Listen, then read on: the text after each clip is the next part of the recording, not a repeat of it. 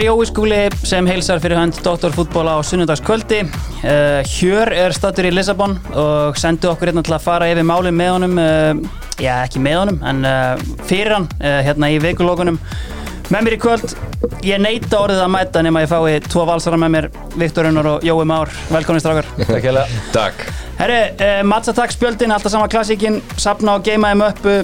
Viktor er komið með glæsilegt sapn, bara ég man ykkur að reyna að toppa hann fitnessport, uh, nú er alltaf reyna að koma sér í stand uh, þá erum við að gera heyra í Svavari hérna nýri í fitnessport og taka einhvern góðan pakka hjá honum. En við hinnir, við erum í Dominos og ég tók tönnu tilbúið í gær. Það var stór margarita fyrir börnin og stór T-Rex fyrir sjálf á mig. Yes, uh, Ási beði mér bara að koma fagnandi hérna minn allra besti vinnur og það var ekki að spurja leikslokum, hún fór öll, öll niður. Tjekkland Eh, það er auðvitað þessi áminningarþjónusta sem að er að tröllir í það öllu skrási inn á checkland.is og þá getið bara hægt að pæli þessu. Þið fara að fáið SMS, tölvupost og þá bara vitið hvernig þið að mæta. Uh, Tölvutek. Aldrei mig vekk Já, það er rétt. Uh, Þeir fóru í uh, Gagnabankan þegar þeir sáu að Hósi Sá var tekin út í liðinu hjá Portugal og hérna Já, þá fóru þeir aðeins að hugsa og þeim dætt strax í hug allir þessir Íslendingar sem hafa verið í Wolves og þeir töldu fjóra íslenska leikmenn sem hafa spilað með Wolves. Eru þið með þá fyrir þá? Ekkert Guðn Þór. Ekkert Guðn Þór og hann hérna, hann Björn Bergman. Björn Bergman, já. Tveir. Eh, Ívar Ingimarsson. Þrýr. Og hvað séu, hvað er það margir? Já, einn. Það er, er það ekki einn hérna, byrju, sko, mér langar að segja Jónas Kall. Já, eh, ég var með einn af þeim bræðurum, bara Bjarni. Mm, Jóhannes Karl. Það er rétt. Rétt. Fjóri leikmenn, uh, vel gert þarna hjá á strákunum. Herri, uh, Wunderbar, Wunderbar, bar, bar, bar. Þeir hérna, þeir bá okkur um að fara hérna yfir hennar landsleik hjá Íslandi og, og Portugal því að íslenska landsleik lauk keppni undan keppni Europamótsin sem fyrir fram í Þýskalandi 2024 með 2-0 tapi á Hósi Alvaldi vellinum í Lissabon, Cristiano Ronaldo var snú aftur á gamla slóðir, hafði hægt um sig strákar byrjunarlið hann gerir sex breytingar uh, Gummi Tóta, Hjörtur Hermanns, Ísak Bergman Alfred og Jóndag koma inn en kannski stærsta er að Hákon kemur inn í markið, kom það á óvart að einhverja leiti? Nei, maður hafði náttúrulega heyrt af því að það myndi gerast. Mm -hmm. og mér fannst bara Hákon standa sér mjög vel. Hann gerði það Hann gaf reyndar, hann átti alveg, hefði getið gert betur í örumarkinu vissulega, en mér fannst bara að vera presens yfir honum.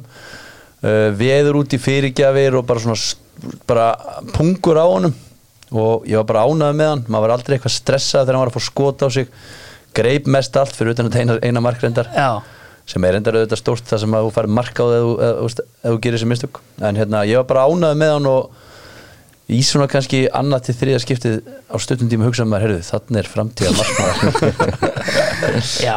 Þetta er sammálauðs, það var rosalega gaman að sjá hann bara, þú veist, á fjóruðu myndu þú veist, það var trillt stemming aðna og hann bara óð út í tegin og reyf niður, skiluru, bara hotspinnu mm. fyrirles og, og, hérna, og gerði það bara tvísar í röð. Það var svolítið sagan hjá hann ég meina, hann var eins og Viktor segir fyrirles hann óð út í þetta veist, hann, og ég meina, mann er leið bara vel einhvern veginn meðan þarna þegar boltarnir voru að koma inn í. Já, já, greip alltaf vel í nýfur utan þetta, þetta eina atvik og þetta, þetta fyrra mark sem Bruno skorar hann hérna, hann hengar sinns í það. Þetta er ógeðslega gott skotið Bruno Fernandes. Þó þetta virkir ekki svo fast, er þetta ofbúrslega hitt með að boltin skott bara rétt fyrir framann það lúti stöng bara. Já, hann var, var bara, hann átti ekkert í því. En já, þú veist, það kemur vel út en, en eins og segja, þetta er, þetta er þriði markmaður sem við pröfum í þessari, í þessari, í þessari hérna, nýju leikjum.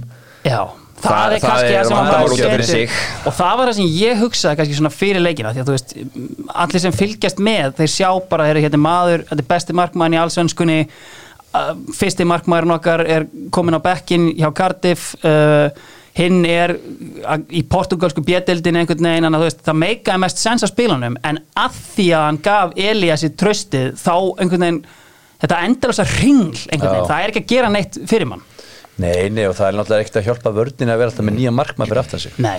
Vördnin er ekki það solid fyrir. Þetta eru menn sem er að spila úr stöðu margi hverjir. Þannig að ég held að þetta ring sé, sé ekki gott en, en maður vonar náttúrulega bara núna að markmannstæðan sé bara klár. Það er líka heldur ekki gott fyrir vördnin að hún sé með svona eiginlega enga festu. Nei, engi festa í vördnin ah. Ég held að vördnin í kvöld gefur teg einn sé besta vördnin okkar. Já. með Hjört, Sverri Gulla og þú veist, jú, jú, Gumi Tóta átti góðanleiki kvöld, hann kannski, þú veist, er spurningamerkið þetta er náttúrulega bara, þú veist, hans fyrsti leikur mjög langan tíma, Mhm. en ég, ég held að þetta, þessi vörn sé svo besta. Þetta er einmitt sko, við fyrir bara aðeins við gangleiksins, uh, við erum inn í þessu alveg hérna Fyrsta korterið. Já, og veist, meina, þeir, þeir, þú veist, meina, það er ekki að neitt, þeir liggja algjörlega á okkur en veist, þetta var samt, þú veist, kannski ekki mikið um opin döðafæra, eitt skalli hérna, svo kannski er það óþægilegt hvað Bruno Fernandes fær hérna lapp upp að vítategnum einhvern veginn, kveikja sér í síkaretu og, og síðan bara hlaða Já, sko. það hefði eitthvað, hefði, hefði mátt, þú veist, við hefðum þurft að stíga upp á móti að í teg á þessum tímamóti Það var, sko, fræðimenn myndi tala um að það var búið að pinna okkur. Það var búin að pinna okkur Já. hérna niður en, en, en eins og segið, fyrsta korterið vorum að fara vel upp vinstramein Mhm. vorum að skapa okkur eitthvað þar og það var Arnur Arnór og, og já, akkurat þannig að þú veist og um leið, mér fannst alltaf sko um leið og við náðum að finna Alfreð í lappir þá var hægt að nota hann eitthvað. Við vorum Já. ítrekkað eitthvað að hengja hann þarna á hann og ég var að verða gjössanlega vittlaug sko en þú veist, um leið og við gátum það þá einmitt sjáum við gæðin og veist, það er það sem Alfreð gefur okkur sko. Já, það sem er kannski erfitt við þetta fannst mér svona, við tölum um hvað við náðum með lítið að halda í boltan Já. bara alveg ábúðast lítið. En uh, mér fannst kannski miðjan okkar þetta er frekar létt miðja á móti þessu liði. Þrýr örfættir. Sem er þetta vel. Sem, sem, Við- sem, við sem, fögnum sem því, er já. geggjað sko, en Ísak, Jói og svo, þú veist, og viljum er auðvitað náttúrulega stóra og sterkur, ég er ekki að segja það. En, en svona Ísak og Jói Berg og Jói Berg í sexunni þú veist, ég er ekki samfærunum á þar, enga veginn. Við getum alveg talað um sko, fílinn í herbygginu sem að er þú veist, að einhverju leiti og að við hóraði þetta ég myndi segja að eitt stærsta svona kannski fyrir utan svona utan vallar viðtöl og annað. En eitt stærsta spurningamerki sem var sett við Arnar Þór Viðarsson var þessi tilraun hans að vera bara með eina sexu sem var yfirleitt Birki Bjarna eða Arnur Yngvi.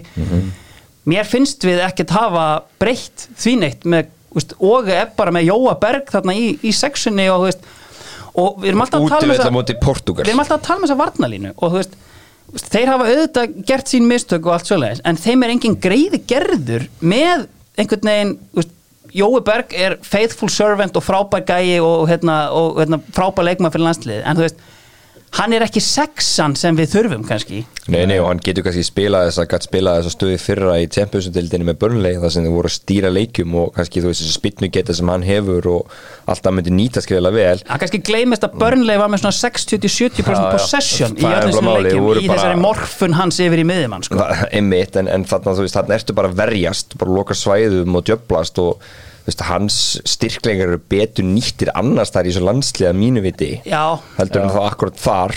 En, en þú veist, don't get me wrong hann er fyrsti maður að blaði í þessu liði sko. alveg Já, kláða sko. Ég held að pælingin með hann í sexunni sé svolítið að hann er leikmann sem að getur haldið í boltan hann missir boltan lítið. Mhm. Þú veist, þetta er svona uppspilspunkturinn hjá okkur Hann fær Þegar við vinnum boltann, þá þegar við vinnum boltan getur sendt á hann, hann er ekki að missa hann mikið og ég held að það sé svolítið pæling með honum alltaf, þú veist. Og í uppspili. Segir. uppspili sem, sem, sem, vorum að gera og reyna svolítið í kvöld. Það var náttúrulega bara eilíða bras. En við höfum verið að missa gríðarlega miklu hætta af vangnum með honum Já. krossan sko, sem Sammála að því. er ekki nóg gott sko. Nei, algjörlega. Uh, Heilt yfir sem ekki þetta kvarta undan þessu leik. Ég meina við þú veist, Töpuðum stóðum bara okkur- betra liði. Já, miklu betra liði og veist, stóðum okkur plikt ágætlega 2-0 tap. Ég meina, veist, kannski- varamenni koma velinn sammála því og hérna sérstaklega til dæmis maður eins og Arnur Yngvi sem að, veist, maður bara trúir ekki öðru en honum hafi ekki verið treyst til að byrja leikina því að þú veist, heilt yfir, ég meina þetta er svona gæi sem að mér finnst vanta þú veist, ef við tölum um hennan single pivot, þú veist, og ég meina þú veist, það er einhvern veginn öskrar á mann að við verðum að vera með tvo þarna, þá finnst manni hann einhvern veginn the obvious choice, bara gæi sem vinnur sína vinnu, gerir hlutuna einfalt og, og hefur bara heilt yfir átt bara fína leiki í þessar undakefni Já, grátlegt að hann skulle ekki að skora enn í lokin sko. Einmitt. Það var þetta vel gert talað um varamann orra þar, ríkt í gegn og, og þú veist, náðu að koma að skota á markið þannig en þú veist, það var hérna á hann 2-3 moment þar Já, Ég er sammála með, með Arnóð Trausta, mér finnst hann búin að vera mjög góður í sundakefni Mhm. -hmm. bara að mér finnst hann svona búin að vera eitt svona ég vil jafn besti leikmann okkar. Ég held að sé alveg hægt að segja það. Uh, en þú veist, En er- fer náttúrulega meittur út af í síðasta leik þannig að hann var kannski smá spurningumarki fyrir það hlýtur bara að vera. Líklega að hann ekki klárar að starta leikin og einmitt, en úst, kannski helsta vandamálið úst, menna, við erum að fara í þessa, hérna, þessa umspilsleiki sama móti hvernig þeir vera, meirum það síðar. En sko veist, ég upplifa á engan hátt að Óge Horæti sé eitthvað nærði að vita byrjunarliði sitt sko í dag heldur hann að var þegar hann tók við liðinu. Nei, og líka vandamálið þar uh, Við erum alltaf að býða eftir leikmönnum Já. sem er að klárir. Og það eru tveir sem við sko, ég heldur myndum alltaf spila þeim líka í sama hvernig þeir væru það, það eru Aron Einar og Gilvi Mhm. og svo þannig að þá púsla liðinu einhvern í kringum þá. En þú veist, við vitum ekki hver á að vera í búrinu. Nei, þú veist, þú kallaði núna hérna þrjávarna með núna hérna Viktor sem getur þá startað mögulega fjóra. Uh, hvernig á miðjan að vera? Þú veist, það er búið að vera á oppostit ringl á öllum stöðum. Það eina getur sagt þú veist, Arnór Sigur að fara út í vinstramein við vitum það. Já. Uh, við vitum ekki hvort að fara að starta upp á topp. Jafnvel, við vitum það reyndar ekki ef að þú veist, til dæmis Aron skildi vera djúpur og, og hérna, þá er þið kannski jó út á vinstra megin. Mhm. þannig við erum ekki einu sinni garantið með Arnór sko. Ég Já, held samt, en þá sko- myndi hann heldur bara að færa sig hínu megin eða eitthvað myndi hann ekki örugglega setja Jóa einmitt bara hægra meina sem hann leið best hérna í gamla dag sko. Jú, ég held að myndi vera þar og það væri bara geggja vangmannapar þú veist, út í það er farið en svo, þú veist, það eru rosalega, þú veist, við vitum að Sverri Ingi spilar ef hann er, ef hann er klár Já. sem bara okkur sterkast afstend Hjörtur er bara búin að koma dröldu vel inn í þetta Hjörtu Leikurinn- verður að spila. Já, Já ég meina, Hjörtur er náttúrulega bara gæi sem einhvern veginn á sér enga málsvara og það er einhvern veginn engin að tala fyrir því að Hjörtur er að vera í liðinu saman hvað veldur því. En þú veist, ég meina, hann spilar hérna, Jó eins og bendur mér á, skilur hann spilar þennan leik, hann er bara fínn í dag. Uh, hann spilar leikin sem við vinnum á móti Bosníu sem er sennilega okkar eini alvöru sigur í þessari undankefni Ég vinnum þú hann veist, 1-0 þú veist, bara að er vera með bara proper hafsend þarna með Sverri hlýtur bara að vera það sem við erum að gunna á. Ég held að það verði, ég held að verði þannig. Hann er búin að vera, eins og, eins og við vorum að tala um Hann er búin að vera góður, hann er hafsend. Mér finnst gulli Mér finnst hann frábæri bakverðan gulli En í hafsend er hann bara alls, alls ekki nógu góður. Nei Mér finnst hann alltaf gera einhver barnarlega mistök í, í, í leikjunum. Og hann sagði það sjálfur hérna í viðtali við Hjörvar á sínum tíma að hann bara upplýði sig þannig að hann á alltaf sína bestu landsleiki sem hæri bakur. Já. þannig að hann ákast ég bara að vera þar. Svo spurning við vinsti bakurinn hvað verður þar Kolbeinn, hann náttúrulega var komaðið sinni þetta núna. Uh, spurning hvernig staðan verður á Valgeri Lúndal ég veit ekki alveg. Hann hefur samt einhvern veginn, þú veist, ég er alltaf að vona hann, veist, en veist, hann hefur, hann hefur svo sem ekki hjálpað mér mikið í að tala hans máli með að grípa einhver tækifæri en þú veist, einmitt, Þannig Valgeir, já, en hann er alltaf meittur núna sko. Algjörlega, þetta er samt svona staða sem mér finnst líka, mér finnst bara báðar bakverðarstöðunar eiginlega galopna, nema hann allir bara að halda sig við gulla þarna hæra með Já, mér finnst, mér finnst bara, mér finnst hægri, hægri staðan ekki opinn Mér finnst gulli bara eiga að vera þar. Já. Og hann bara stendur sig yfirleitt vel þar. En myndir, myndir við ekkert pæla í því að spila bara gulla þarna djúpum inn á miðin þá gerum við sko hvað gerum við Aron þá þegar hann kemur tilbaka, hann ætla að vera að tala um að Aron ætti líka að vera að spila hafsend, það var einhver, einhver hugmyndafræði það Já, við en sko, veist, nú er mikið talað um fíla í herbygginu sko, þú veist, Hann þarf náttúrulega bara að finna sér fíla í herbygginu er að. Aron Einar er ekki með lið veist, Já, en hann var samt valinn og kom inn á í síðasta leik þá veist Já. að vera bara Já, já. örglega ekki properly fit Nei, nei. Eða bara í rauninni bara til þess að geldi gefa honum mínútur sko. Já.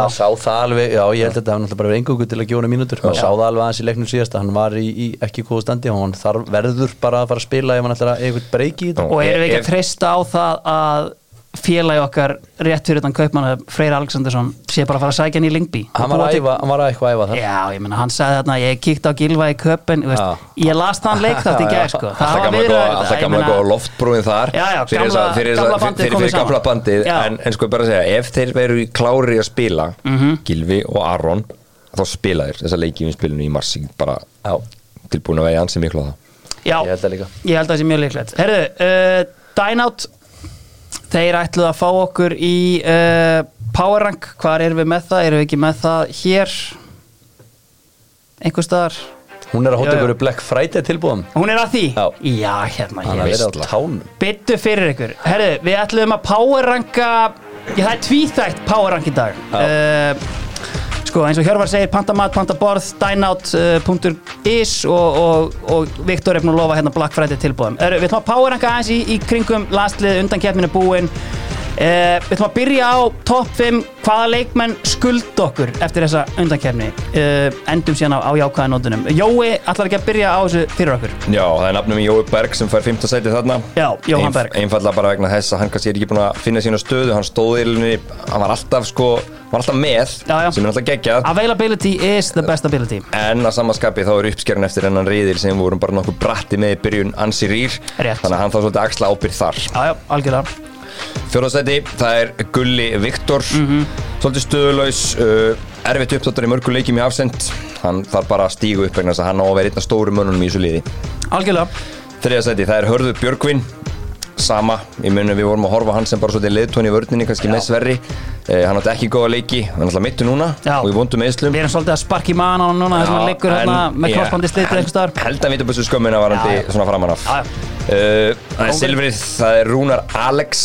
Já, Fær tröstið Fær heldur betur. bara og hann er búin að vera með liklana sko, núna bara frá því að Arnar Þór nánast tók við sko, þannig að þú veist hérna, Og maður getur hort á hann mögulega sem þriðja markmann í dag. Algjörlega. Þannig að það er spurningum til verð Mm. uh, Ég vel Alfons Samstedt sem svona eiginlega mestu vonbreiðin vegna þess að hann er svona, þetta er hægri bakkurinn sem er að spila okkur hæstu level í hjá okkur. Já. Og hann einhvern veginn nær ekki að búa til góðan landsleik og núna erum við að tala um það að Gulli Viktor verða að starta hann með hægri bakkurinn Já, ég meina við vall, valla rættum hann hérna, við hefum saknað hans neitt sko, ég meina hann dettur út úr liðinu fyrir þennan leik og veist, eins og við komum inn á, þú veist, þetta er bara þær kröfur sem við erum að vonast til að hann standi undir. Það er talað um það og Kári Átnason sem er gaman að hlusta hann tala um íslenska landslið hann tala bara um landslýsfótbolta, sé bara öðruvís en félagslega fótboltin og mögulega kristalla það svolítið í Alfonsi Samstedt Já, hann er bara ekki að tikka með landsliðinu Nei. Því miður, hann er góður með félagsliði og er bara að standa sér vel þar en, bara geggjaða ferill sem hann á já, og en bara því miður er hann ekki alveg að finna sér með landsliðinu Algjörlega. Herru, færum okkur þá yfir í jáðins bjartari salma. Já, já. Viktor, þú ætlar að gefa okkur top 5, svona hvaða leikmenn við grættum eða hvað, svona, hérna, hvað við getum uh, þakkað fyrir í þessari mögnuð undankefni. Sko ég held að eftir þessu undakefni sjáum við að Kristján Lins, hann er mér, hann er svona framtíðamaður, maður, þú veist, þó hann eftir ekki, ekki átt, átt neitt stórleik í þessum fyrirhálfum sem hann spilaði þá Nei, nei. sá maður alveg að það eru taktar í honum Og, líka bara náttúrulega utan valla, hann komin inn í liði hjá, já vissulega döpru Ajax liði, en, vissulega. en hann er samt í Ajax, þannig að þú veist, ég meina það er alveg hérna, það er ekkert hver sem er að lappin þar. Já, hann að einn daginn mun hann sjáum við bara held ég sjáum hann stýra þessari miðu Algjörlega. E, Fjórðasæti bara eftir leikin í dag Hákon Rapp. Já, Mér varst bara, ég var hrifin á honum. Mjög, ég meina, ég, get ekki hrósað nóg hvað mér, hvað mér leið svona vel, Já, já, meina, þó að þetta skot hefði komið að maður meistan, sko það er eitt við líka bara, það er grípinn inn í, sko bara, veist, Hannes Halldórsson, þú veist, bara svona markmann sem hann er leið hvað best með, hann er leið samt alltaf skringilega þegar boltinn var að koma á hann eitthvað og hann þurfti að fá hann í lappir og svona, Já. en það var bara eins og gæinn yfir tíu ára tímabil notaði alla lukku sem hann átti í heiminum. Bara, veist, öll svona moment það hefði verið flaggur rángstæða þarna Horta hefði verið komin aðeins já, já, já, það var bara allt í liði með Hannes. Hákon hefði þurft það aðeins í dag en, en ég, ég alveg sammála, mér leiði mjög vel með hann. E, Þriðasæti það er, já, kom inn bara með svona smá látum og byrjaði vel og kannski fjaraði aðeins undan þar. En, en hérna geggja endrans í Ídalið Nei, og líka bara einmitt, eins og segir, sko, gæi sem að hafiði valla snert græs fyrir landslið og maður er alltaf, menn, hann er sko, ég menn, hann er 25 ára og hann er fyrst núna einhvern veginn að koma inn í þetta, veist, hafandi verið með liðið einhvern veginn í mólum og Já. allir að fá mínútur og hann einhverstað viðs fjarrir bara í Hvítarúslandi, sko. og spila á háu lefin Arnar, Arnar hefur ekki nefnt að kíkja leikin erfitt flug. Líka Já. eini leikmaður sem spilaði í COVID Já. sko. Já, nákvæmlega, var í standi sko. uh, Annarsæti ætla ég að hafa Hjört Hermans bara, Já. hann er svona að koma aftur inn í þetta núna Já, og við þurfum einhvern veginn að taka upp hans málsvörð hérna einhver staðar. og líka Já. bara gott að fá Hafsend inn í liðið Já. það er nú ekki svo mikið af þeim sem, sem hafa verið góður en mér veist Hafsendin Hjörtur Hermans vera bara búin að vera fín Sammála því. uh, og í fyrsta sæti er svona held ég svona mest spennandi leikmaður uh, ég, ég veistu hverju mig gleymi Hverjum? Hákonni Já, Já en þú veist, algjörlega, en hérna, en veist, Orri Steinn uh, Já. er í fyrsta sæti á mér bara proper nýja. Já, En, jú, Hákon er klálega þarna á lista. Já. og hann er bara í fjóðarsætti fyrir Hákon Rapp. Já, mögulega að spila á okkar hæsta leveli en- Já, hann er svona bara, hann er Algjörlega. og, autostart er bara þegar hann er klár. Söknuði manns líka í dag, af því eins og við segjum, sko, veist, leikjum sem er mikilvægt að halda í boltan, hann er Hann góður í að halda honum og sko. bara, hérna, og hleypur út um allt, þannig að, hérna, algjörlega, það var, veist, ég meina, það er líka kannski gleymist að, veist, ég meina, við vorum með smá svona makeshift lið einhvern veginn algjörlega, það, hérna, við verðum bara að lega með því, herru, Honorable mention, já, Kolbett Finns ásand Hákon Harald Kolbett Finns er með hæstu, ég meina, þú veist, hjá statistíkinni þá er hann með bestu einhverjum okkar í hérna, þessari undankefni, að, meina, hann verður að, hérna, og kemur inn í þetta einmitt, svona, einmitt, hann er örugglega fættur einmitt 98, 99, eitthvað 99 svoleiðis. held ég. Já, hún veist, eiga rosalega fyndin feril með hennar Dortmund 2 Já. dæminu og svo núna bara í Lingbíinu og er að spila vinstri bakur sem er sko engavinn hans svona grunnstað einhvern veginn í nei, leiknum nei, einmitt, þannig að þetta er áhugavert algjörlega. Herru, uh, hérna, dokkmólarnir, nei, nei, nei, dokkmólarnir, geymum þá aðeins. Uh, good, good, það er þeir sem ég ætla að fá hérna inn. Það er hérna íslenska fyrirtækið, uh, ekki bara hotlara, heldur betra. Allt annað líf heldur þessi erlendu sigur sull, það er good, good, choco hazel og Já, hérna hér. 80% minni sigur Nákvæmlega, 80% Sko þeir vildu aðeins fá okkur Ég krifjum þetta Hvað er að fara að gerast í þessu umspili, Jói? Hvað, hérna, hvað erum við að fara að horfa í? Við erum á líginni einni En þá í einhverju möguleika að fara á þetta Evrópumót Hvernig gerist það? Sko, á morgun Þetta Já. er náttúrulega þetta allt saman háð hvar við lendum í raun og veru Þetta er Algjörlega. rauninni tvö umspil A og B Já. og við erum nú bara svolítið að vitna í greinina sem við sig skrifa á MBL í morgun sem var nú bara no- nokkuð góð Kóngurinn svo við kvótum það nú bara Já. En eins og ég segi sko eins og gerist er að til að við lendum í A-umspilinu Sem við viljum ekki. Nei, þá erum við að fara að spila með Wales eða Pólandi í undanúslu á útivelli. Já. og það er, það er VS og það gerist ef Serbia, Tekland eða Ítalía fara öll áfram. Ok, og sko, Serbarnir fóru áfram í dag. Tekkarnir spila á morgun og svo Ítalinir eru bara í úrstölduleika mot Úkræn á morgun. Já Þannig að við eigum eiginlega að halda með Úkrænum þar vegna þess að við viljum að ef, sko, ef Serbia, Tekland og Úkræna fara öll áfram þá erum við að fara að mæta Ísrael undan úrslutum. Ok Já.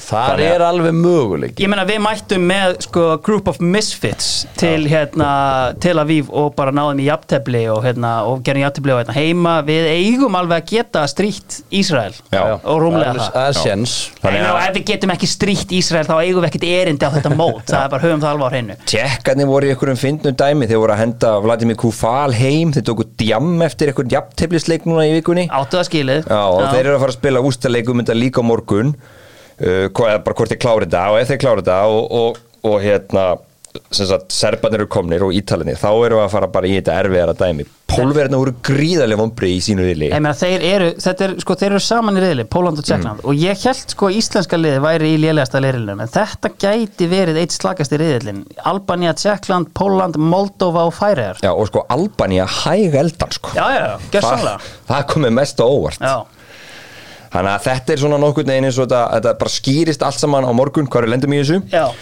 Og bara Ég verð að veðkynna, ég sónaði aðeins út þannig að við erum að vona að Úkraina uh, Vinni Ítalíu. vinni Ítalíu. Og þá Já. erum við að fara í og sem sagt já. Já, Ísraelana e eigum við ekki að innfalda þetta bara þannig? Þannig að þú veist, þangar til annað kemur í ljós þá er þetta aðaleikurinn sem við þurfum að horfa á. Eiginlega. Ok, það er bara hérna vel og ég veit að gút gút eru, eru sáttir með þessa skýrslu Eru hrifnir Herru, uh, uh, ef við fyrir bara yfir aðra landsleiki hérna, Lukaku held einhverja sýningu hérna og mikið talað um hver er þið markaðasti leikmaður undan keppni EM.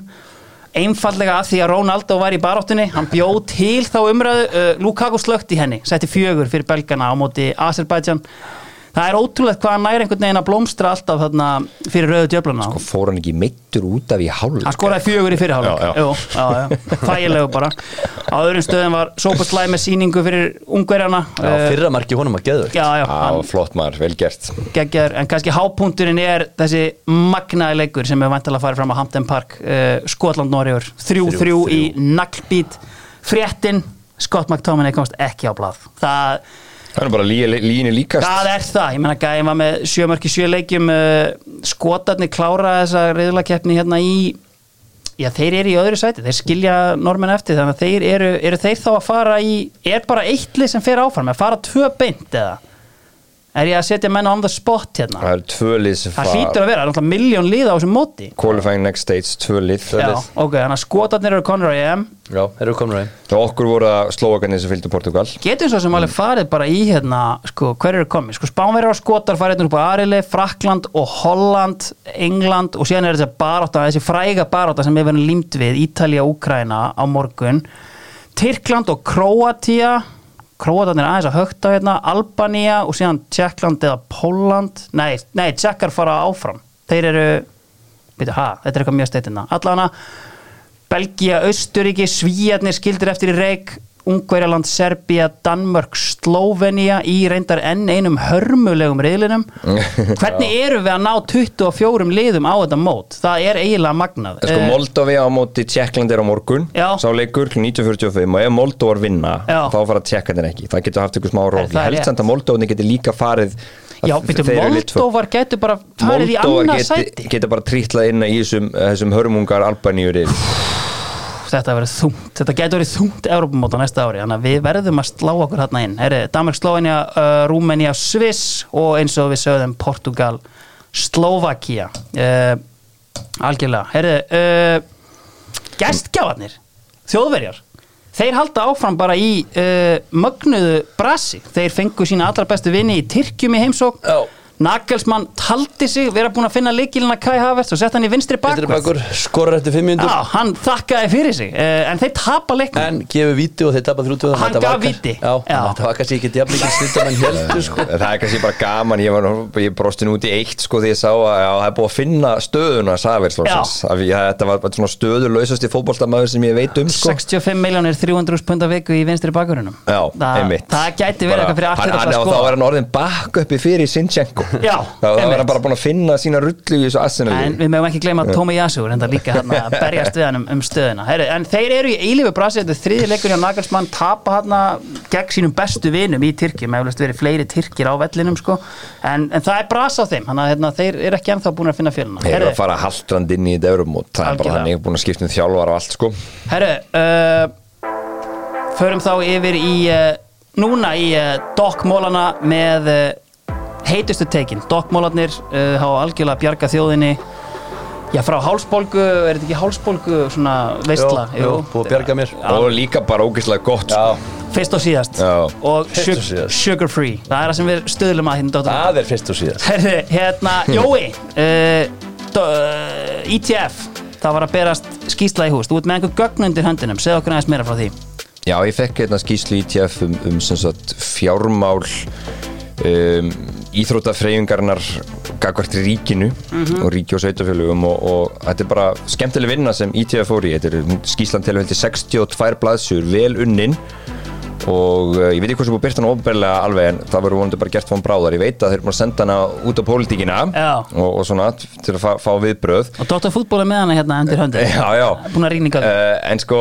þetta er bara, hún fer ítalega við stefnu ríkisins í íþjóttamálum og sko, framlegin eru sko, þetta, þetta er bara í rauninni galið. Markmið með þessu, það er ekki að, sagt, að nýða skóin af þeim sem fá meira.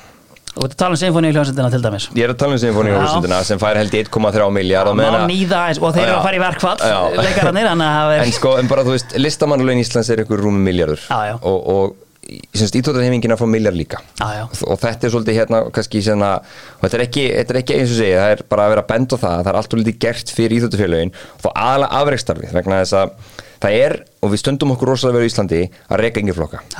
Og þar eru líka með tekistofna móti öllum útgjöldunum sem eru að og Við erum með æfingagjöldin sem borga brúsan fyrir Viktor og Kó sem eru bara að standa sig gríðalega vel.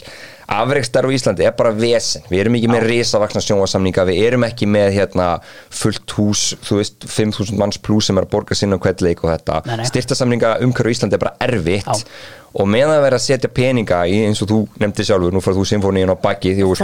ég til að fá hana. Sýsti mín þetta önnur flauta við og við þannig að flott að fá þetta á mig bara. Þannig að þá er bara að vera að benda þarna á ákveðin bara, þú veist ég veit ekki, bara, bara villu bara villa í þessu og ég er nú frekar mikill kapitalisti og vel hæra með því miðju. Þannig ég er ekkert alltaf til að vera að pumpa og mikil, mikil pening út úr ríkinu en þarna verið að mér ekki vera vel vari vegna þess að það er skilgringi á ríkinu og þetta farið yfir til skýslunni hvað mér mikið er þáttur bara á samfélaginu íþjóttafélagi eru. Já.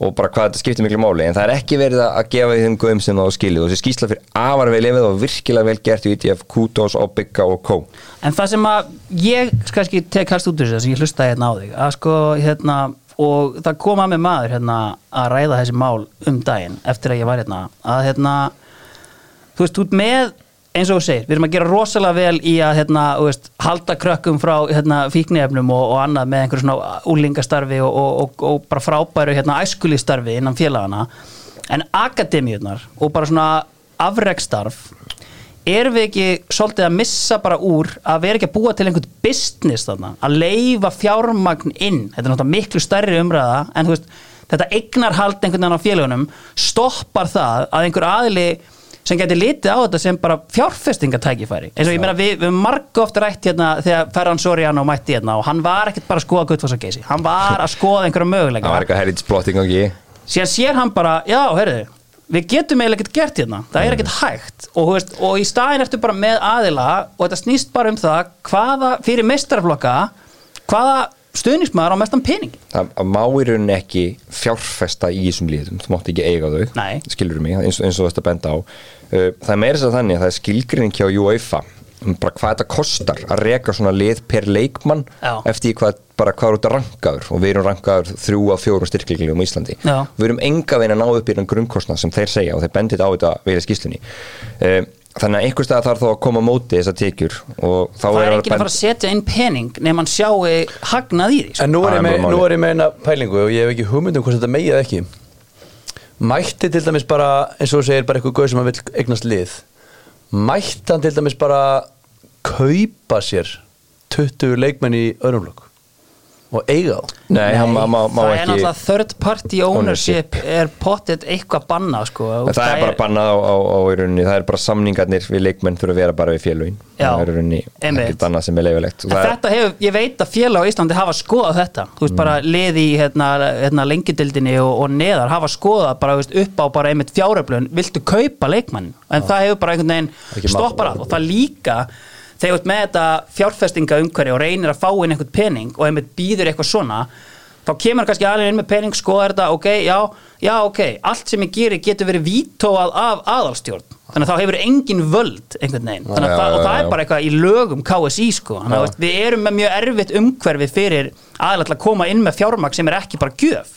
Það er nefnilega málið og bara svona, bara í svona lokin sko Harpan, ég var nú á mótið í húsi á sínum tíma, Já. hún fór 1,1 hjarta sko, Já. bara að halda, halda, þessu, halda ramarinn á Já, og það kostar sko 2 miljonar að leiða hana sko tóma, þannig að takk fyrir það. Þetta er sann sko, hörður skrifaði greinum um daginn. Já, Já, þið Hörður þetta líka skrifaði á þar 403 403 skrifaði góða greinum um þetta. En hérna, eins og þú segir, þetta er bara rosalega mikið þú veist, ef ég les bara, ef ég sé bara myndina hérna, þjóðleikusið Harpan, launasjóðu listamanna Sannvingur styrkir og sviði lista og menningar Sinfóniuljónsettin, þetta er eiginlega bara, þú veist þetta er gamla samningur- bandið í listum. Já, þetta er bara Þetta er, bara, þetta er bara svona, já, eins og sér Harpan, Sinfonían, þjóðleikusið og eitthvað svona. Já. og svo er bara er íþrótti sem eru bara eitthvað bara, Við erum ekki að líta á þetta sem neitt tækifæri. Nei, bara, bara að sem bóttulægin er að sko, þetta er svona pínu olbóðabann Já. í ríkisbatteríunu sem sagt afrekstarf íþróttamáluna Algjörlega. Það er einu haldið það eftir 2016 áttur myndið nú aðeins breytast. Já, en uh, hér erum við enn að kvarta. Já, já. og ég veit Og að hættum aldrei. Nei, við munum aldrei gefast upp. Herri uh, Þessi skýsla kallar sennilega á það að við fáum okkar menni einar á inn í þetta. Og tækifæri ITF gæti mögulega verið kvartning fyrir einar á til þess að uh, gera betur, þannig einfalda þannig. Herri, uh, aðeins að markaðnum bara hérna í, í kringum bestu deildina og lengi deildina. Aron Jóhansson, hann rifti hérna við fram og er uh, komin til afturöldingu uh, afturöldingar, kannski smá kemur á óvart kannski svona með að við fínt tímabil með fram að hann skildi ekki halda sér í, í efstu dild og líka með að, það virðist engin reyfing vera á neinu í efstu dild Já, ég heyrði bara að hann, hérna, hann hafi rift bara strax eftir tíðanbil að því að hann var hættur um að rækki sigurði áfram Já. og hann var bara, úst, hann var bara ekki rækka maður Nei, og hérna svo hefði bara rækki ekki verið áfram og hann hefði verið að semja og hefði bara verið að, að byggðum playing hardball reyn hardball Já. og, var að byggðum að og, og stóra samninga Já. og, og þá svara menn í Mosó. Já, já, og svo er það bara menn í Mosó og rétta, rétta sæluna áhugavert ef það er þannig að lið í sem sagt, næst efstu deild er að yfirbjóða lið í efstu deild. Ég held að það sé afar sjálfgeft á, á En kannski er hann bara meira valuable fyrir afturlendingu heldur en fram. Og Það getur- vel verið. Og ég man líka að hérna, hann Rúnar þegar hann tók við á, á hérna, sem tíma þá sagði hann svona smá fórgangsmál að reyna að halda Arni Já, Einmitt, já, Eh, það er var mjög góður í sumar Já. Þannig að þetta kemur daldi óvart en við varum búin að heyra þessu. Mitt að, að, að hann hérna var á leiðinni upp í Mosó og bara geggja sæning fyrir þá. Ég meina, Jói, nú hefur við verið með puttana hérna upp í, í afturhaldingu sko, þetta er bara koman daginn að hérna, Úlfur, þjálfari fjölnis hann hefði bara hárið rétt fyrir sér. Það er nóg til hérna í kistunum hjá afturhaldingu greinilega núna. Þeir eru bara þeir eru bara að kroppa í, í dild fyrir og ég vildi bara taka leikmenn fyrir neðan sko. Já. það er svona þeir eru með einhverja gullkistur það er bara Maggi. Már, he goes again það er bara einfalda þannig Já, Herri, já, já. uh, höldum okkur áfram aðeins í, í Íslensku. ja, bestu Það ekki. deildinni ég meina, uh, Greg Rættir Já. hann mætti hérna til hjör uh, á, á fimmtudaginn sko ég verða að viðkynna, ég skil alveg þessa umræði sem Palli Kristjáns er að leiða um að hann hafi sannfært menn á fundi því hann er frábær Já, sölum já. já, ég samála hann hljómar hrikalega vel hann í, í öllu sem hann segir og hann vil pressa hann vil skapa, að ég tók að stúdur hann vil skapa andrumsloft þar sem anstæðingurinn hugsar we just have to survive the next 10 minutes í 90, 90 mínútur það var geggjur lína. Og það kannski kemur mér ekkert óvart það sem ég var að spilað með honum og hann leggur mikið upp úr því að menn séu í miklu standi og, og hlaupi mikið. Mhm. Þannig að ég hlakka bara til að sjá hann í Káir uh, Hann talar um að Kitty Jóns hafi farið út af æfingatímum. Já, Svo sér maður það á, á, á Facebook í dag að Kitty Jóns Kitty Jóns fór á fésbókar síðuna sína. Fésbóka sína. Já, að deilir skjóta. fréttinu og tekur grenjukalla með. Og fyrsti maður til að, að kommenta Kenny Choppard með Já. annan já, mér fyndi einmitt að sko sjá að þessir menn af eldgamla skólanum að velji á sína. Facebook. Já, það er er ekkit exið Nei, eða, áhuga fyrir því, hérna- það er bara gamla góða fésbók Facebook. Bara og hérna maður heyrði að, að sagan segir að hérna Káir hafi bara ekki verið tilbúin að borga Kitta þau laun sem hann vildi og það var Nei. Hann hafi held ég verið að byggja um 900 skall á mánuð Mhm. og ég skil bara Káir mjög vel. Hann er 33 ára, verið 34 á næsta sumar. Já. af hverju vera að borga um 900 skall á mánuð Þegar þú getur Alvöru tekið- tala sko. Já, þú veist, þegar þú getur þrjá, fjóra unga leikmenn sem eru þarna til, kannski getur verið hann í, í 7-10 ára eða eitthvað svo leiðis Já.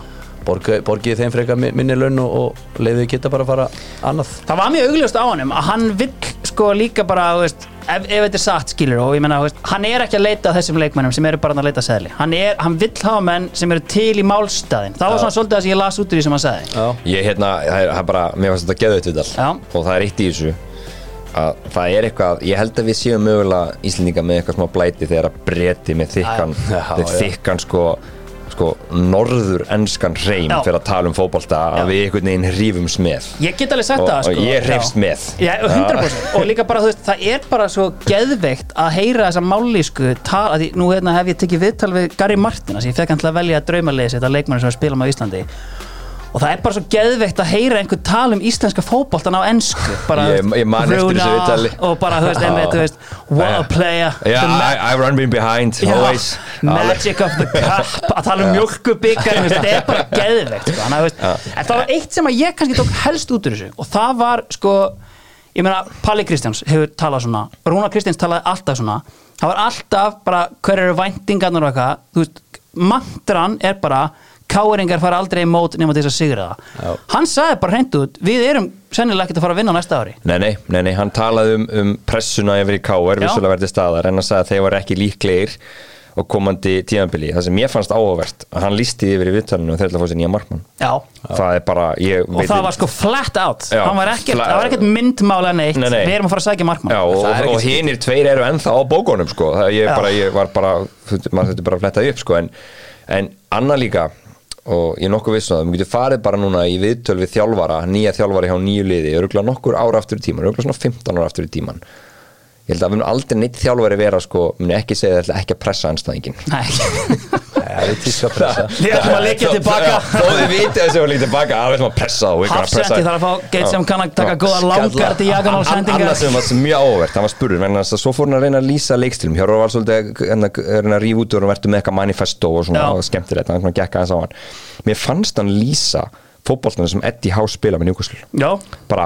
hann svona uh, energy off the ball.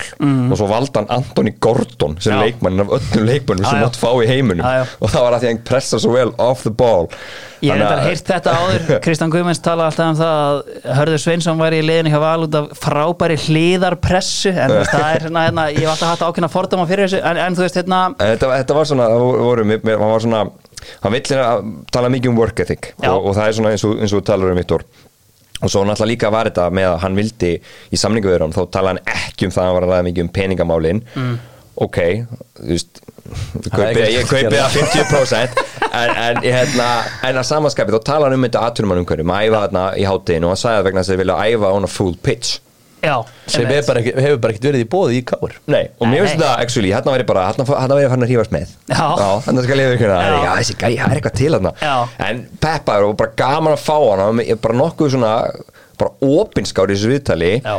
Og ég, ég er spenntari fyrir þessar ráningu við, sko, skulum alveg að hættur hinnu Og þú varst með mig þætti, við vorum að gera grína þessu, sko. Já, já, Ha, við, hérna, Bara fyrir nokkur vikur já, síðan, sko. Sér hitti ég Viktor og Viktor samfærið mig algjörlega um Viktor var svona með hálpípan hérna fyrir hann og við vorum bara, hvað þvæla er þetta? Já, en sko, en þetta er einmitt að því hann talar einmitt um þetta, þú veist, og þetta er alveg rétt, ég er með hérna stráki minn til K.R. og veist, meina, það er aðstæðan til að gera eitthvað þarna er engin þú ert Nei. bara í, eins og í hænsnabúri einhvern veginn að reyna að hreyfa það þarna um, sko hann að, veist, þetta er glata Þannig að þetta gæti alveg verið hérna, einmitt, æfi háttegina því að það er eina skipti sem aðstæðan. En nú held ég sko að káringar og stuðnismenn þeir megi ekki hengja sig of mikið í, fjöspókastatus Kristins Jónssonar Nei. Veist, og bara, hérna, veist, bara mæta á rauða ljónið og hlusta á Greg hérna, meðan desember og, og flikkjast með. Er það ekki bara svolítið málið? Ég get lofað ykkur því að hann hrýfur styrjus með gáðar hann er með eitthvað karisma menn hann gerir þetta í þrótt. Menn hann byrjar að þjálfa meistarók þrótt eitthvað 26 ára gammal Já, ah, gert, sko. það er mjög und og, og hann var bara með mikið respekt þar og hann var með stunismenn alveg þar í vasanum, stjórnin já. og alla alveg í vasanum. 26 ára hvað hann er þegar hann er 34 5-6 ára næsta tíðanbyrg Já, 88 móður Þannig að þú veist, hann hefur alveg lært helling á þessum 10 ára Og hann sagði það sjálfur í vittalinu að hann hefur ákveðið að fara og stíga skrið tilbaka þurfti að læra meira og fóru að vera þetta varðan hjá kögu Svo var líka aftur sko talandi um svona hvað hann er, skilurlega flottur einn og einn. Þannig að Hjörvar var svolítið að spyrja hann út í aðstöðumálin og svo hvort þið vilja spila og hvort að hann vilji vera að beita sér fyrir því að þeir finni gerðvikarsvöld mm -hmm. þeir bara skiptum undirlega á vellanum ja. hann var mjög góður pólitískur í að Slæta sig já, undan því, og svona beigja sér einhvern veginn frá því og, og sagði sér að þetta var að spila á grassi og smell of the grass. Step, in, step onto the field ah. hann vissi bara hann vissi bara að hann ætlaði að vera langur í þessu starfi. Hann varst að halda Magga Böð góð Já, það, það gerist ekkit annars. Heyrðu, annars er eh, Maggi Böð exið og fyrir að hrunni og minnist á gerðvíkara sko. Algjörlega, það er svo sem lítið annað um að vera í bestu dildinni uh, kjarnafæðismenn uh, þeir senda okkur einhvern lista en, en veist, það var svo sem ekki til að tala um þar. Maður hefur bara sjaldan séð já, og kjarnafæðismenn hafði svo sem orða á því. Það er, þetta er steindauðu markaður. Já. Ég held að liðin sé bara svolítið að býða eftir í að hátíð hérna klárast og fara þá á stjá núna þegar nærdreigur sísoni og bara upp á það að samningarnir séu ekki eins stórir hennilega. Að bara taka vopnin úr höndum leikmann ætlið bara að vera heima í sófa eða Nei, ég bara raunverulega held það að liðin eru bara að halda þessir höndum. maður er að heyra það líka að KR hafi hlerað leikmenn og það er mest megnist á í tengslum við sko, þú veist, ok, koma hérna og þeir eru farin í gamla kitta kennastöð mótelið bara, þú veist, lág mánaðalaun, en ef við vinnum eitthvað Já, þá ætti að fara að fá borga. sem að er náttúrulega, þú veist það ætti náttúrulega að vera name of the game hérna, þú veist, á- því þetta er svo mikil áhættu rekstur sko, Sérstaklega með Európut peningana, það, það ætti náttúrulega bara að vera þannig. En, og leikmenn hafa svolítið bara flójandi ratarinn þar og, og Kristinn Jónsson skamastu, nei. Nei, nei, algjörlega. Herru, hann eh, hann? hann, hann finnur fyrir ég ekki bara í blikana. fram. Já, breyðablikaða fram blikarnir hafa náttúrulega hérna, ég meina, talað um að Davíð Ingvar sé að fara. Slotta bara fínt hann inn og hann hefði örgulega gaman að klára þetta allt í, í, í smárunum, já, Já. alveg klart Það er sem þetta allt saman byrjaði. já, ég held að þetta sé alveg pottet breyðablikaða fram. Já, það verður frólægt að sjá hvað verður um þennan mætamann en fylgist þið með fjersbóka síðan? Það eflust það eh, kemur eitthvað þar. koma þangað inn. Herru, færum okkur þá bara hérna aðeins til Englands uh, og það er auðvitað með Allandsolja, það er lang besta verðið á, á bensinin í dag, maður vestar hvergi annar staðar, Allandsolja upp í Hafnarfyrði stórkastlegu staðar að vera á. Sko það er búið að taka tíu stig af, af Sjón Dæs og félagum í Everton. Já, Jói, uh, þú ert búin að rýna í gögnin, Hva, hvað svona sjáum við út úr þessu? Áður en við byrjum kannski, það var það sem ég tók helst út úr mjög hjartnæmri uh, yfirlýsingu Everton var að þeir munu fylgjast spenntir með framvindu mála annara klúpa sem eru einni til rannsóknar. Skiljanlega og, og það er svolítið verið að hérna spjótin hafa vissulega beinst mikið að Manchester City Já, og þeir eru 115 ákærum. 115 ákjörunum. Og, alveg skiljanlega en það er hins vegar eins og ég benti nú á í svona frekar svona yfirvegaðari Twitterfæslu minni en Já. þá fekk ég sjálfan kongin El Jóhann á mig Já, hérna. sem vildi bara blóða byltingu Já, já. og hérna tala um vesen. heigafla og brennur þannig að hérna, alltaf gaman að þeim, þeim mikla mætamanni en nei, nei, en sko fyrsta leið, þá veistum við með ótrúlega þung refsing og ekki anda fyrir refsinga hjá Premier League en samt Já. þung refsing þeir bjarga sér frá falli Já, en, en sko ég er bara tala um í vandi fordæmin Já. að þá er þetta, þeir hafa, þeir hafa verið mikið í sektornum Premier League og ekki, ekki verið í, í hérna, point seduction. Já, að taka stig af sko, það sem gerist er núna, það ég held að þetta allt saman svolítið partur af stærra pólitíska plani, það er hérna sem sagt bara breska ríki er búið að tala mikið fyrir því að setja upp svona miklu stærra reglur í kringu ennskum úrstildina vegna þess að þeir meta svo að ennskum úrstildin sé oft óhæfa að refsa sér sjálf Já. því ennskum úrstildin er bara þessi 20 klúpar sem eru það hverju sinni svo eru þarna fyrirfram ákveðna reglur stjórnendur og svo þessi domstól sem er settur á sem er sjálfstæður þegar það kemur eitthvað svona upp Einmitt. Ok, þannig að þeir eru núna held ég búin að svona uppur game varandi refsingar Já. og eru bara að fara svolítið ítalska mótilið sem hekar ekki við að rífa stig á liðum alveg hægri vinstri Einmitt. þannig að þetta var kannski einhver litið viðbúið þannig erum við að sjá þetta hjá Everton uh, varandi, af því bara svona útskýrið aðeins varandi City uh, þar er rauninni verið að, að rannsaka hvort að ásetningarnir á City og þá Chelsea líka ef það fer þá, þá leið Mhm. eftir hann að gagnarlega nýja að þeir séu hreinlega falsaðir. Þannig eru ásetningar Evertón sem eru hortnir sem, síðustu þryggja ára þeir eru bara það sem eru raunverulegu gögnin Einmitt. og það er engin ef um það Nei, nei. og niðurstæðan er svo að þeir voru hvað, ykkur um 19 miljonum punta yfir lámarkinu Já. og þeir eru ógislega óöfnir. Það veit, þú getur farið inn á premierleague.com og fundið dóminn, hann er 42 síður, ég er ekki búin að lesa það. En, en, það, en ég er svona rýndið aðeins. Og það er, þú veist, þeir heldur með Rít Salsson-sölunni að þeir voru að redda sér. Já. en svo vorum við uppeldið spætunar og vottur tek pening og já, og þeir svona, að djöfullin maður, við fáum svona mikið. Og, fleira til, þeir nefna Gilvar Sigursson í þessu sammingi líka, þurft að borga honum laun áfram og allt þetta og frátt verið geta ekki selta hann eða losa hann.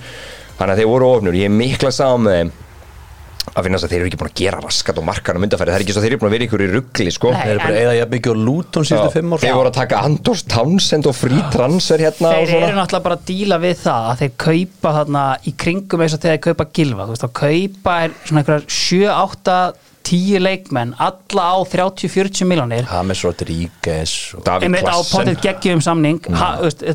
Klassen potið geggjum samning ha, þú veist, hérna, Davíð Klassen Senk Tosun þetta eru leikmenn sem koma allir fyrir ágætis pening, bara einmitt þetta 30-40 miljónir með nákvæmlega ekkert endursölu verið og bara setja upp með það. Þarna skapast vandamálið.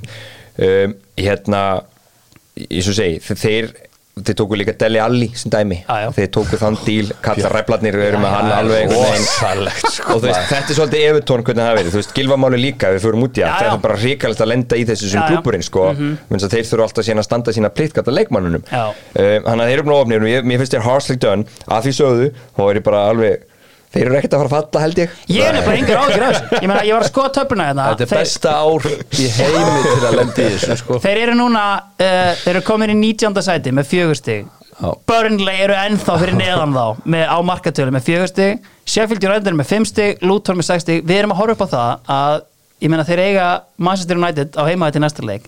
Þeir verður örgulega komnir upp úr fallsetinu eftir þann leik Já, eins og segi, þeir bara hafa líka verið bara verið stígandi í liðinu. Já, algjörlega, ég meina þeir eru með þrjá sigurleiki síðustu fimm og, og bara eitt tapleiki síðustu fimm og hálf mútið Leopold þannig að meina, þetta hefur litið talsveit betur út. Þannig ég hef ekki það miklar áhyggjur á að fara niður með þessi fjögur skítalið Bournemouth, Luton, Sheffield og Burnley sko. Já, svo er alltaf bara til að klára þetta með þá. Það var, þú veist, mikið bras varandi fjárbarl kostnað á vellinu þeirra sem var hluta til fór á bæku félagsins átti síðan að vera undantekið undan Fair Play. Einmitt. og uh, svo er bara eigenda bras á þeim. Algjörlega, á og þessi, hérna, hvað, Moshiri, heitir hann það ekki? Hérna sem kaupilið það er eins og hann hafi ekkert kynnt sér reglurnar. Nei. hann ætlaði greinilega bara offsetta þetta endalaust sem hún mátt upp á ákveðinu markið þess vegna eru financial fair play reglurnar þær eru náttúrulega bara byggðar fyrir stóru klúppuna Mm. með alvöru innviði sem geta alltaf að offsetta með einhverjum tekjum utanvallar Já. síðan náður engum árangri, komast aldrei í Európu þá eru bara engar tekjur að koma inn og hann situr bara uppi með hérna leikmenn á einhverjum fimm ára dílum sem hann kefti fyrir 40-50 miljónir sko, og bara þessu tengt, bara svona svo komið líka fram þá en það eru margir að velta fyrir sem er City. Það veit eiginlega enginn hver þessi blessaða rannsókn er búin hérna, og City er náttúrulega með einhvern, einhvern besta löffræði til þess að við getum fundið það. í, í það. Uh, en sko það er eins og sé, þar fyrir rannsóknin þannig fram að það eru sko tekjur sem sannlega er þá, vildu meina sig, þá kominu ólöglegar tekjur sem það farin í félagið Mhm. og kostnaður sem þá greittur fyrir utan félagið sem, sem svo launin og Roberto Mancini og þetta dót sem sannlega átti að fara inn á félagið Já, já. og þá er ásendingin falskir þá reiknar endur reiknar fænast að ferblumótilið og ef er, ef það er þá dæmt ólegt þá eru þeir í vesenni Já, já. en sjáum hvað setur jó, ert þú stressaður fyrir hönd Chelsea í þessu? Eftir þetta skal ég bara viðkjana það en, en eins og ég segi sko, þetta hefur alltaf verið þannig mennskúltina þeir hafa ekki, þeir hafa bara svona pínu alltaf glefsað en ekki bitið fast sko Já. en svo eftir að hérna, eftir að Kort og Varti sem var sport sneri UEFA-dómunum hjá Já. City þá bara verið aldrei dæmdi sko. Nei, maður líka einhvern veginn, það er eins, og kemur inn á, sko, veist, þessi pressa á að fá, sko, hérna, veist, að þeir séu ófærir um að því, ég meina, þeir eru praktikli sem, Chelsea og Master City, náttúrulega risa klúpar og þú veist, ég meina, það er ekkit endilega hagur Premier League að senda þá eitthvað niður Nei, eða nei. gera eitthvað við þá, og sko, sko. sönnunabyrðin er bara þung já, í þessu líka það, vegna þess að þú segja beitu, þeir geta koma bara með einhverja pappýra sem gera þessar greiðstur löglegar þú vitir þið rétta, skilur Já, mig já. þannig að, þannig að skilur þú veist, það er bara, þetta er miklu þingra og erfiðara en eins og maður segir, ég bara þetta kemur allt saman ljós, en þetta má nú fara að skýra start líka, þetta hlýtur að fara að komast að þessu sko. þetta er búin heldur lengi og það er mikil gals í mönnum á, á Twitter greinlega. ég komast að því um helgina Algjörlega. Herru, uh, við klárum bara, ég meina, stýttist í janúar klukkan. Uh, Viktor Raffinja til Spurs, verður léttum með það? Já, já, já, ég væri það alveg Fínt bakka fyrir Kuliseski. Mm, Já, ég er samt ekki búin að vera alveg nóg hrifin af Kulseski í, í, í ár en, en ég held að sé sér fyrst og síðast Hafsend sem að við þurfum inn Já, einmitt. Vandi Venn, er hann komið tilbaka? Er eitthvað stað á Nei, nei, honum? hann, uh, hann hérna hann verður sennilega bara nýja ári Já, einmitt. það var rosaleg Já, en, en svo var, voru eitthvað að sögur um að þetta væri ekki eins slæmtognun og, og menn heldu en Ok. og það leit út fyrir Já, þetta leit út fyrir en þetta leit bara út eins og Jón Kári sagði hann hafi sprungið á Já, hann. bara eins og maður hefur verið skotin bara hann sko. en hérna, ég held að sé fyrst og síðast að reyna Lloyd Kelly í Borma sem að Við eru erum að horfa til. Já, Þannig eru menn að verða að fæna þess að fyrir bleik Já. Já, ég, ég hef núl áhugjör því sko. Og það er kannski svona það sem að menn eru helst að hérna, pæli hvað verður í janúar, Calvin Phillips hann alltaf allar reyna að koma sér í EM-hópin hann er Já. ekki að fara að spila sekundu hjá Master City, Það eru Vestham Newcastle, Newcastle. eru rættir Juventus væri eitthvað mjög óspennandi múf finnst mér, þannig að þú veist hljótum við ekki að sá hann í einhverju nýju liði í, í janúar? Klárt, þetta er leikmaður sem vil koma sér inn í, inn í mixi hjá Southgate aftur og þú veist bara hörku spilari þó þetta mm Mhm. ekki gengið upp á sitt hvað sé bara númer og lítill er að vera að keppa í Rodri. Mhm. þú veist, no, no harm done sko það er líka að tala um hvað verður um Ivan Toney núna Já. hann er að koma tilbaka núna, er byrjar að æfa og fara að spila núna bara frá er ekki bara fyrsta januar Mér finnst þetta mjög fyndið með Ivan Tóni einhvern veginn. Ég sá fyrst frétt Brentford við 60 miljónir. Daginn eftir kom frétt Brentford vilja 80 miljónir. Ég held að þetta standi núna í 100, 100, miljónum fyrir, sko, ég meina, hann er sko, þú veist, hann er 20 og, Sjö já, 28 á næsta ári. Veist, þetta fer svona að verða ég veit ekki og sko mér finnst við smá er að blekt með tölfræðinan sko þetta eru ógeðslega mörg viti sem hann skorar á hverju ári Já, já. það er að ég veit ekki alveg sko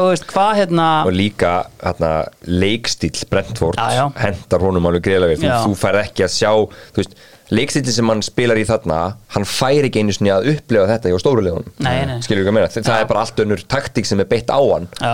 þannig að Svo þetta las maður líka eitthvað að hún finnst að skulda börn, nei, Brentford, Brentford Þannig já. að hann er eitthvað núna í að ég var áfram Já. hann var nú böstar á hérna einhverju þegar hann var í einhverju góður alli hérna, sagði hann fuck Brentford Já, hann, hefur, hann var mikið í einhverju brassi það hérna. er sko hann, hann er, þessi gauri er alveg pínu bilaður sko. Ég held það. Herru, uh, En er, er eitthvað annað, Neves náttúrulega. Núna er uh, Algjörlega. Júkastúl Tottenham. Þeir eru að fara að funda hann um hvort að megi lánan til Newcastle. Já, Eh, þeir eru samt að pælja ef þeir mega ekki hann lána, bara kaupa hann Já, þú veist. Er hann búin að fá nóg? Verður það þá fyrsti gæðin sem fer heim fyrir utan en hann Jóta þarna? Þetta var Sjóta og- fyrir Tottenham. Það sem ég heyri er, sko, þú veist, og ég actually heyri þetta, þetta er ekki bara eitthvað sem ég les og segist heyra, ég heyri þið frá einhverjum sem þekkir ágætlega til, sko, að þú veist, það eru allir að vera þunglindir þarna í Arabíu af þessum gaurum, það er bara Ronaldo sem horfir á bankareikning sem reglulega og bara ok, fine, aðrir eru bara, eru guðminn almáttur, veist, þetta var nú svona pínu vita en þegar maður veit að það er einhver, ég man ekki hvað liða er sko þeir gaurar eiga heima bara í Kuwait einmitt, og það er bara fínt. Já, en ég man ekki, það er bara eitt lið af öllum þessum Já, já. liðum. Og þeir eru heldur sáttir, ég held að restin sé bara í vesenni sko. ég, og sko, ég þrái bara að þessi, sko, að því, þú veist, ég held að díla við Arabana sé ekkert frábært, sko, ég, vil- ég vil bara læsa á hann inni, sko. Ég held að vera líka ekkit svakalega létt að díla við leikmennina nei, nei, þú veist, já. Búin að vera okkur stundur Þú samning veist, sko. sennilega lækkaði niður um 90% í launum. Já, já, ok, ég tek kannski hálft árið það var hérna Jói Berg sem mitt bent á þetta. Hann sagði sko, já, nei, út, 21 tvekja taktu eitt og hálft, tvö ára Já. og þetta er bara búin með fyrir að sapna öll peningur sem þetta sapna og það var mitt það er hann að Gabi Veika strákurinn ungi sem var bara druttu góður. Einmitt. nú er mitt að orða hann í burtu sko. Hann er komið yfirlýsingu og hann ætlaði að vera hann út í tímabili Já, hann er hérna mikið passun hjá hann fyrir þessum bolta, þessu, þessu verkefni sem er í gangi hérna. Herru, uh, á en við slöfum þessu. Það eru auðvitað uh, Icewear uh, með sínar frábæru úlpur uh, sem að bjóða okkur upp á uh, nei eða já. Og það eru einfallega það eru þrjá spurningar. Og fyrsta spurningin og ég hóra hætti hann verður þjálfari Íslands eftir umspilsleikina, Viktor. Já, Ég held að verða líka já, Já. En vísu er náttúrulega fara að skipta um formann Já, Það getur nú örgulega haft eitthvað um þetta að segja. Ég hef heyrt að hann sem byrja að ringi Gunnar Bergs. Já, aðeins að koma sér í mjúkin og hann vil greinlega, vel áfram. Já. Þannig að hann er svona aðeins að fara hann að kynna sér formanna efnin og, og heyrir í þeim og Já, sem hlýðar uh, spurningu, Jói, hefur eitthvað með eirun allstaðar, hefur eitthvað heyrt með formannstæmið? Ég veit að það er búið að hérna Ég veit að Guðni Bergson er búin að fá mikla kvartningu til að fara fram veit, og ég held að hann sé bara að hérna vega og meta stöðuna Algjörlega. Ég held að Það dræna út í tíunda fljóðlega Algjörlega. Það er bara- það er langt í þetta en þú sko já, uh, hvenær er þetta? Þetta er í lok februar Já, alveg. er ekki svo langt í þetta Ja, þú veist Við erum farin að hita upp. Við- Það er þá nóabur sko Herru, uh, Hákon Rapp, hann fer í topp 5 deild í uh, einum á næstu tveimur glukkum. Er hann ekki í top 5 deild? Nei, það í- markmann. Já, markmann, Já, sorry, markmann, sorry, já, já, Wow, já. sorry maður. Uh, ég, hérna, ég ætla að segja Í nei næstu tveimur klubbum. Já, uh, Ég segi nei, ég held að hann verði áfram hérna bara í Skandinavíu eitthvað áfram. Mér varst áhugavert að hérna, uh, einn af mínum bestu vinnum og frændi, Skúli Jón Friðgjesson, fór í viðtal hjá Stengeitinni hjá .net, þar sem hann var að tala um, sko, hann sagði, sko, hann var pottitt seldur. Og, já, og hann virtist vera svona aðeins svona Hann er með eitthvað insight. Já, Það er það svoleiðis. svona smá vakti mig í hérna En ef þú tala um, um top 5 þá ertu að tala um bara í rauninni, í rauninni England, Ítalja Hvað ætti, kannski, hliðarspurning bara ekki held- eða já, hvað er næsta move fyrir hann? Ég- segi er á ég segi Belgía, nefnilega- Holland, ég skilur. segi nei en hann verður seldur næstu Já. en ekki í top Ekki í 5 topp fimm. hann, tekur næsta skref og svo vonandi. Já, Já. hann tekur eitt skrið viðbót og fyrir svo vonandi ykkur geggja fyrir hann að fara að starta í lið í, í þú veist, Eredivísi til dæmis Já. Holland, Belgia og veist, Östuríki já, eitthvað svoleiðis það væri stert. ég held að það verði alveg 100% Loka spurning, uh, Greg Rættir flýgur inn í Európu með káir. eins og staðinu núna leikmann og Káur þessu ég nei Nei, Nei, og bara, ég hefur þá bara önnur lið sem eru sterkari en Káur en bara, ef við, bara eins og segi bara með þessu leikmann hómið sem núna, þá er það bara eiginlega ekki sjens nei, en hérna sjáum til hvað, hvernig styrkingar, hvaða markmann að færa og svona Já, uh, ég segi ég ætla að segja nei líka Já. en hann verður að daðra við það já, Hann verður að daðra Top við 6. það. Top 6 verður uh, ekkert í réttir ég ætla ekki að segja þetta inn í röð Nei. það verður Valur það verður Stjarnan þetta verður Víkingur þetta verður, uh, er ég búin að segja breyðablik Nei. breyðablik, Káir. já ég ætla að segja ég Já, algjörlega. ætla að segja Kár Vantar að greitt liðið það? Já, hann er eitthvað það, já ég tók bara 5 Já, já. FH, FH, Káa það, ég ætla að segja eitt uh, Rúnar, fljúa með framarana inn í top 6. það er markmið á honum að vera í baróttunum það Já, það er fallegt og guðvöld markmið. Mm. Ég held það. já nei.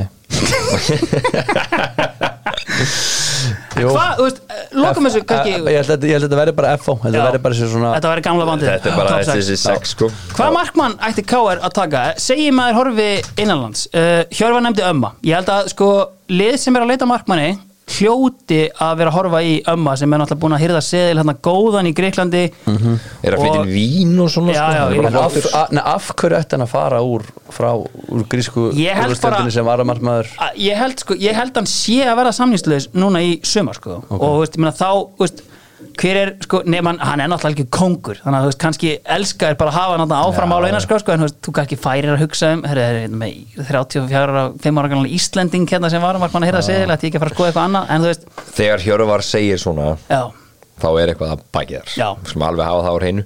Þannig að og, og hann var, hann var kindarlegur Hann, Greg Halli, Halli Björns, hann er náttúrulega samningslaus. Hann er Það samvinnslaus já. Hann er alveg ekki, það að, um. ekki búin að spilja á sko. Nei, nei, Nei, en hann er það er topp keeper. Já, já, hann er góður en ég held að fólk, liðið eftir líka að horfa aðeins í hann. Ég held að klálega ætti að fara að gerast. Gott Halli Björns. Herru, uh, Halli Björns ætlar að fljúa með Greg Rætturinn í Európa með Káir uh, Ég held að sé hann þá bara góður Takk fyrir mig, Takk